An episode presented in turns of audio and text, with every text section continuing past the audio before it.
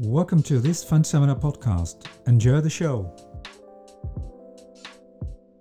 Before we start, I would like to point out that this podcast is made for professional investors and for information purposes only. It provides insufficient information for an investment decision and does not contain investment advice. The value of investments and the income from investments can fall as well as rise and are not guaranteed. Investors may not receive the amount originally invested. Welcome to Fund Seminar Podcast. Today's episode is titled The Silver Lining of the Energy Transition. Since the Paris Climate Agreement in 2015, the energy transition is a topic that is on everyone's agenda.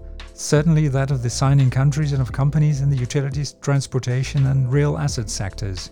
Companies are making net zero pledges and are planning how to get there. But how are these pledges and plans being translated into true decarbonization? And what about the risks of greenwashing? With me here in the studio are Eszter Vitorino Fuleky, lead expert in sustainable investments, and Jags Walia, head of global infrastructure at Van Lanschot Kempen. Together, we will examine what works and what doesn't in the energy transition that is currently taking place in the real estate sector and beyond. If things get gloomy, we will look for the bright spots. Today's topic the silver lining of the energy transition. Welcome, Eszter. Welcome, Jags. Let's start with the icebreaker. What is the most remarkable thing that you ever encountered as an investment professional? Eszter, you go Eszter. first. All right, I go first. Well, uh, I think it was for me the realization that we think of capital markets as a separate system, disconnected of the real economy. And at the same time, uh, when I realized that actually capital markets are meant to serve the real economy, to fuel uh, the building of schools and the real things, it just made me reframe uh, the whole way how I used to look at allocation of capital investment. Ah, a paradigm shift for you. Exactly. Jags. Yeah, I had a paradigm shift too. So I've been investing since 95 and we've always been encouraged to be long term. And I always just took that for granted. But the real moment, the transportational moment, was 22nd of May 2006 when my daughter was born. And then all of a sudden, my time horizon that I used to think about shifted from mine to hers. That was a big eye opener for me. Wow. Thank you very much. Let's dive right in. Jags, you're an investor. You closely look at what companies actually do. Is the energy transition gaining speed? Um, it's exactly the opposite, unfortunately. So, with the energy transition, you know, we've all heard of the Paris Climate Agreement 2015. We're supposed to be reducing CO2 emissions. That didn't happen. We've only been increasing them. And then the really sad thing is, recently, the energy transition is actually slowing down even further. And we can talk about why that is. Now, before we Um, get yeah. any further, can you give us a definition of the word energy transition? Excellent. So, there's going to be lots of different definitions. I'll give you my most simple one that I like to use. Please. it's basically just two things, which is number one, make everything electric, and number two, make the electricity greener. If you get those two things done, you're pretty much there. It's probably the tip of the iceberg definition, right? yeah, it is. So when you dig deeper, there is there's going to be lots of there's in each one you can unpack them as much as you want. You know, you can also just say, okay, when we make everything greener, we make the electricity greener, and everything's electric.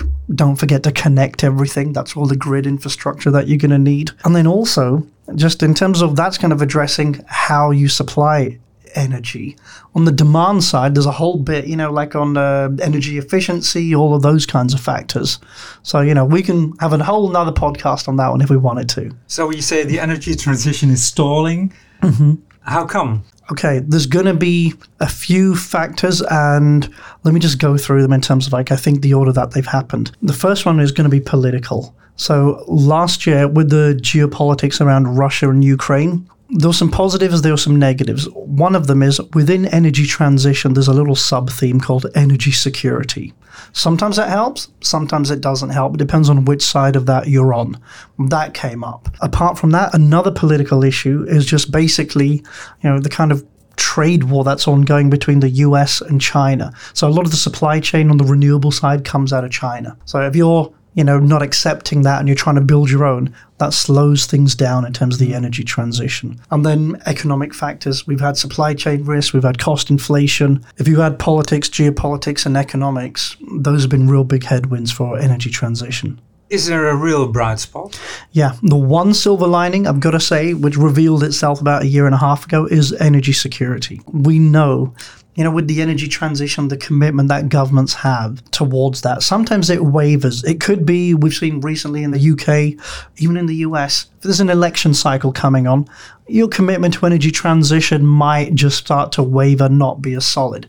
But your commitment to energy security, which is basically, if I don't get this electricity, this power, I'm going to have blackouts or price spikes. I'm going to upset the population that actually votes for us. That commitment doesn't waver. That is rock solid. So, Eszter, how then is this connected to the energy transition? Well, the thing is about finding the win-win solution. So you need uh, energy transition and energy security, and they're deeply interconnected topics. And in the end, Jags mentioned what's the definition of energy transition. You probably need the end-end-end solution. So it's not one technology, it's not one yeah bit of the, the whole system, but you need the whole system to shift. Uh-huh. And that has many aspects. It has the transition to renewables. It has the renewing of the grid. Yep. Uh, it has an LNG fact element. It has energy efficiency gains, probably not the biggest bit, but still in many sectors very important because in mm-hmm. the end, the energy transition is relevant for every single business activity. So every single company has a role to play in the energy transition. And our role is to find the winners of that transition. And of course, we also need scale, speed, volume. Exactly. Yeah. And okay. that's, that's where we, we actually really believe in a, in a sector wide uh, approach. And actually, that kind of maybe we can talk about in a moment how we kind of go about uh, engaging companies. Please do. Yeah, but that's a good point because if we start to just engage one company at a time, you'll change one company at a time. We need to change the whole system. So sometimes when we're engaging, you know, just like most asset managers do, we engage with the companies as well. Sometimes you've got to go beyond that and start, you know, engaging with a regulator to say, actually, I don't want this one company to change and then the next and the next. This whole industry has to up its game. So sometimes you've got to do that too, you know? Exactly. And, and indeed also engage governments on uh, what's happening on the front of carbon tax and, and uh, emissions trading schemes. Yeah, yeah. Yeah. So you do that as a as a company, as a bank, and as an asset manager. Mm-hmm. Can you uh, take us there? Yeah. Certainly. So if you look at our uh, emission scopes, obviously we do have an impact also on our operations. Mm-hmm. Somewhat bigger scope on our banking activities, but 99% of our emissions are tied to our AUM, to our investment activities. So that's certainly the biggest uh, chunk and the biggest focus in terms of what we're doing. And so there, obviously, we look to engage with companies and really find the, the winners of the transition and try to avoid the losers of the transition. And we do that through engaging with companies on several things. Certainly, we look at their willingness and ability to contribute to the transition. We look at obviously the data we can get from vendors, which is more backward looking, mm-hmm. combining with forward looking data, yep. where it's like capex and tying uh, emission intensity reduction to executive remuneration and other measures to have an indication where the company is going. Yeah. So we're trying to find the winners, but sometimes you got to make the winners. So, you know, finding the winners is basically we have an idea, we have a framework, we're looking for the companies, you know, how we define them as winners, that are going to be most credible in their decarbonization plans. So those are the types of companies we think are going to be the winners. So we look for those. But sometimes, you know, you find a company that's like almost there, but just not quite, just needs a slightest little nudge. And so, you know, those are the ones we might engage with to basically say, you know, you're on the right track you know, we want to just work with you to just like tweak this a little bit in terms of strategy just to get the alignment a little bit better. Might have been a blind spot. Yeah, exactly. You know, like a lot of these companies, they're at different paths on their journey. Like you know, some are like you know running way ahead, some are like running you know quite far behind. That's not a bad thing if they're running quite far behind because a lot of times you know we'll have a template of what they need to do because we've seen the winners doing it, and then you need to assess can this company do the catch up? Can it actually mm. do you know what the winners have kind of shown us? maybe just to add on to that is also sometimes you look at the company in itself, how energy intense its mm-hmm. own operations mm-hmm. and supply chain is. But sometimes we have an even broader view and we look at companies who are themselves quite energy intense, but they enable their value chain to uh, realize Yeah. savings in terms of emissions. So Excellent. it's also how how broadly you look at these things because, as you also mentioned, what is our definition of energy transition? It's it's not one silver bullet. It's a combination of factors, and it's a broad Yeah. view. we need to And I like that holistic view because, to be honest, it's not really what one company does, like for its CO2 footprint. It's what happens to the planet's CO2 footprint. You know, so we get like those companies that are decarbonizing themselves or they're enabling the planet to decarbonize by having a customer who can switch from something dirty to something cleaner. You know, so I like that holistic view. It keeps a good focus for us. Yeah, and we when we talk about sectors, can Mm-hmm. you pick out one that you would describe? Yeah, so if I do this one, yep. so um, basically, there's a whole bunch of different sectors. You know, there's like 10 different sectors across the world. And there's the more energy intensive sectors and the less energy intensive. But you can't, I don't believe you can just avoid the energy intensive sectors. So your electricity, you know, like the second part of the energy transition, make everything greener. That electricity's been generating in the utility sector, the power sector. So you can't say, oh, I want to have a greener portfolio, I'll avoid these companies, because your fund will have a lower CO2 footprint, but you made no difference to the planet. So you had no impact, even though you reported a lower number. So I think we need to work, those are, you know, some of the key sectors. So I think at least in the US, globally, it's probably about the same. That 30% of CO2 emissions, roughly, are going to come from the power sector. I don't think you can avoid them. You should address them and see how those companies can get greener. Well, if you think about it, the largest part of the economy is in a place that needs to transition. You have mm-hmm. sustainable businesses, but they're a, f- a relatively small fraction of the Yeah, global economy. And so ignoring the largest part of the economy is yeah, actually ignoring exactly. the largest mm-hmm. part. Yeah, How we you know, got that is the lowest hanging fruit. That's the biggest piece because we're not going to reach Paris if we focus on the marginal. You know, like there's a few smaller sustainable companies. Let's have that. That helps. We need it. But you know, the big elephant in the room is the ones which are dirty today but going to be cleaner tomorrow. That's the ones. That's where you need to find the winners. yeah, exactly. And that's you know that's how you know we're basically just you know trying to make money for our clients as well as value for society by having that sustainability angle because you need to get the winners from the transitions not just people who are participating in it but really the winners So, and in terms of engagement, what can you do to green a particular sector? so we have a framework for what we basically look at in terms of how credibly is this company getting greener. So it's basically just I look at the willingness, we look at the ability and the commitment. So very short, the willingness is have they set the right targets for all of their business? That's easy and we know the right target for Paris is 50% lower CO2 by 2030. In terms of ability, that's the most fun part because now what you don't do is take what you know the management is guiding you as this is what our CO2 number is going to be. Get your pen and write it down. That's not the right way to do it.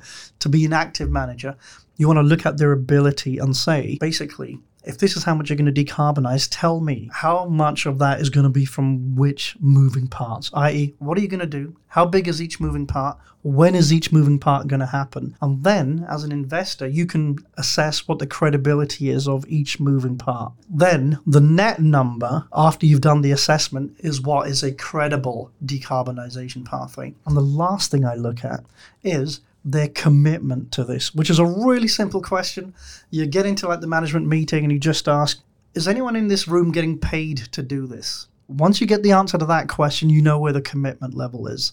You know, because I don't want companies just to decarbonize and we engage with them for better behavior and they do it when I'm looking. We also want them to do that when we're not looking, i.e., you know, the management team, their long term incentives are tied to decarbonization, get some alignment in it. So that's what we look at for these companies that are really doing this. and the element of decarbonization Mm-hmm. that they actually have an influence on. So sometimes you would see Great point. uh, Yeah. uh, an ESG related metric in, in an LTIP, long term incentive plan, that actually is not the responsibility of Yeah. the management, such as, you know, have you filled in your CDP questionnaire? Well, great, somebody in the company has filled it in. Mm-hmm. But are you actually making progress towards your commitment? So it's it's finding the right measure. Yeah, exactly. That's why I like that degrees of freedom that we haven't talked about, i.e., mm-hmm. we want them to decarbonize as fast as they can, but you can't ask a company to decarbonize faster than it can. You know, an industry might move fast, another industry might move slower. You've got to be aware of that, you know, with your kind of inside knowledge on how a business works.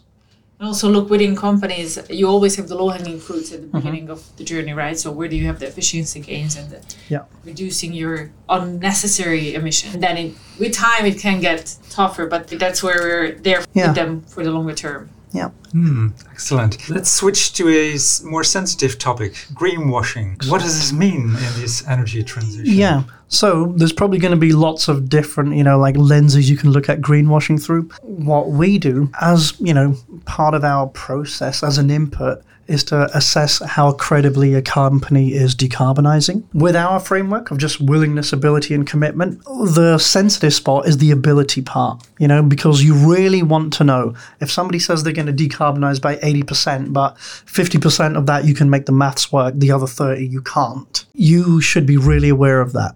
And when we use that framework, we do it A, to protect ourselves from getting greenwashed from a company we might consider investing in. But B, in doing that, we can actually protect our clients from getting greenwashed because I'm not just sitting there as like a pass through of, you know, one company tells me one number, I write it down and send it out to my clients and say that's the answer. You know, we're active in between, we're, you know, assessing what really could happen from this company. Eszter, which type of greenwashing is the most harmful in your view and what needs to be done? Well, of course, every, every kind of greenwashing is, is really uh, True. terrible. Uh, there, you could say that there is an intentional greenwashing where you make um, very lofty commitments um, and um, the performance doesn't meet the commitment.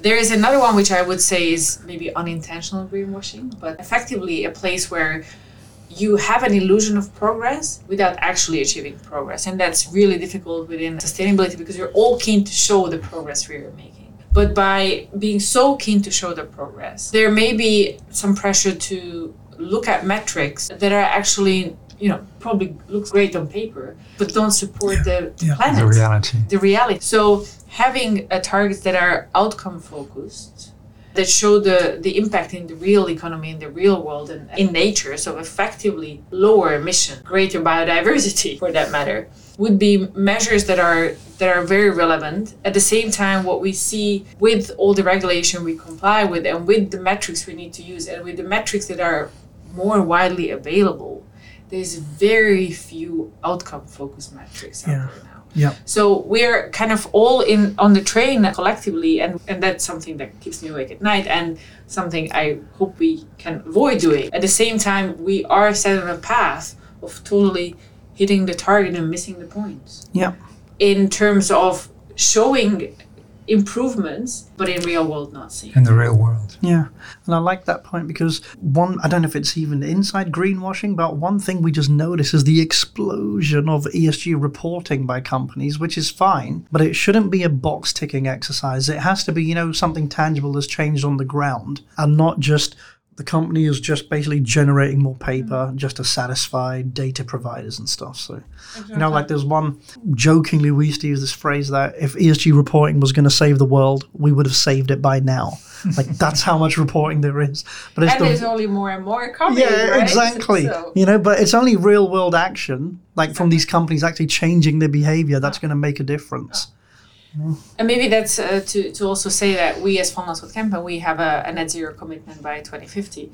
And that's a very nice commitment, but how do you actually get there? And that's why we've put ourselves on a, on a carbon diet uh, with a 7% annual reduction target uh, that we've amply met so far and shed some tons, Excellent. many more to shed. But actually, that also reminds me of the fact that in the end, we have a clear intention, a clear target, 2050, which hopefully we can reach earlier. But we have at least a 2050 deadline, and we use different tools to help us get there, from engagement to, to looking at weights of uh, companies in portfolios, etc. Exclusions as well, of course, and integration. But that's where the point comes back also for the, the whole greenwashing point that data is important, but we need to be intention driven, data assisted, and not data driven. Yeah. Well, Yeah. data that drives the Yeah, process. yeah, but not our exactly. But you don't want to be in that trap of, you know, the company just reported the right number to tick a box. And so your data box was ticked, but when you look out the window, it made no difference to the world. Yeah, it's all about the real economy and the Yeah, impact on yep. the economy. So, what do you do against greenwashing in your strategy? Could you elaborate on that? With us, well, basically, if we look at the ability of a company, the Uh-huh. parts of their strategy that we think are less credible, we give that feedback to them to basically just say, okay, on this, this, and this. Please explain how that's going to be economic, scalable, viable in the time frame that you've just set us. So I'm, honestly, it always just starts with a dialogue one on one, and then the engagement can also like ratchet up. So we'll always just start and I prefer this, to be honest, just to have like a very discreet one on one conversation with the company first. If that engagement for transparency, i.e., show me how this is going to be a credible target because I don't have faith in A, B, or C, if that fails, then you can start taking steps onto like a more concrete engagement and a more solid. So you just basically just add pressure over time. It might be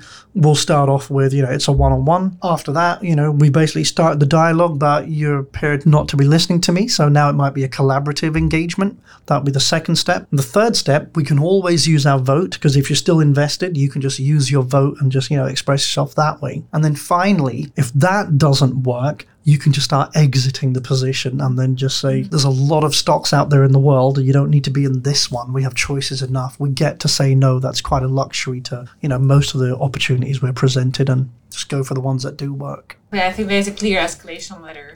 Yeah. Also including uh, sending public letters and mm-hmm. doing it collect- collectively. Certainly when it comes to voting against board members or, or executive board members or nominees, or voting against their pay package, that's when rubber meets the road. well, thank you very much for uh, showing us the silver lining of the energy transition. Thank you very much for sharing your insights. Eszter Vitorino Fuleky, lead expert in sustainable investment, and Jags Walia, head of global infrastructure at Van Lanschot Kempen. You've been listening to Fund Seminar podcast. Thank you very much. Thank you for having Thanks, us. Thanks, JJ. You've been listening to a Fund Seminar podcast brought to you by Cognito Amsterdam. Thanks for listening.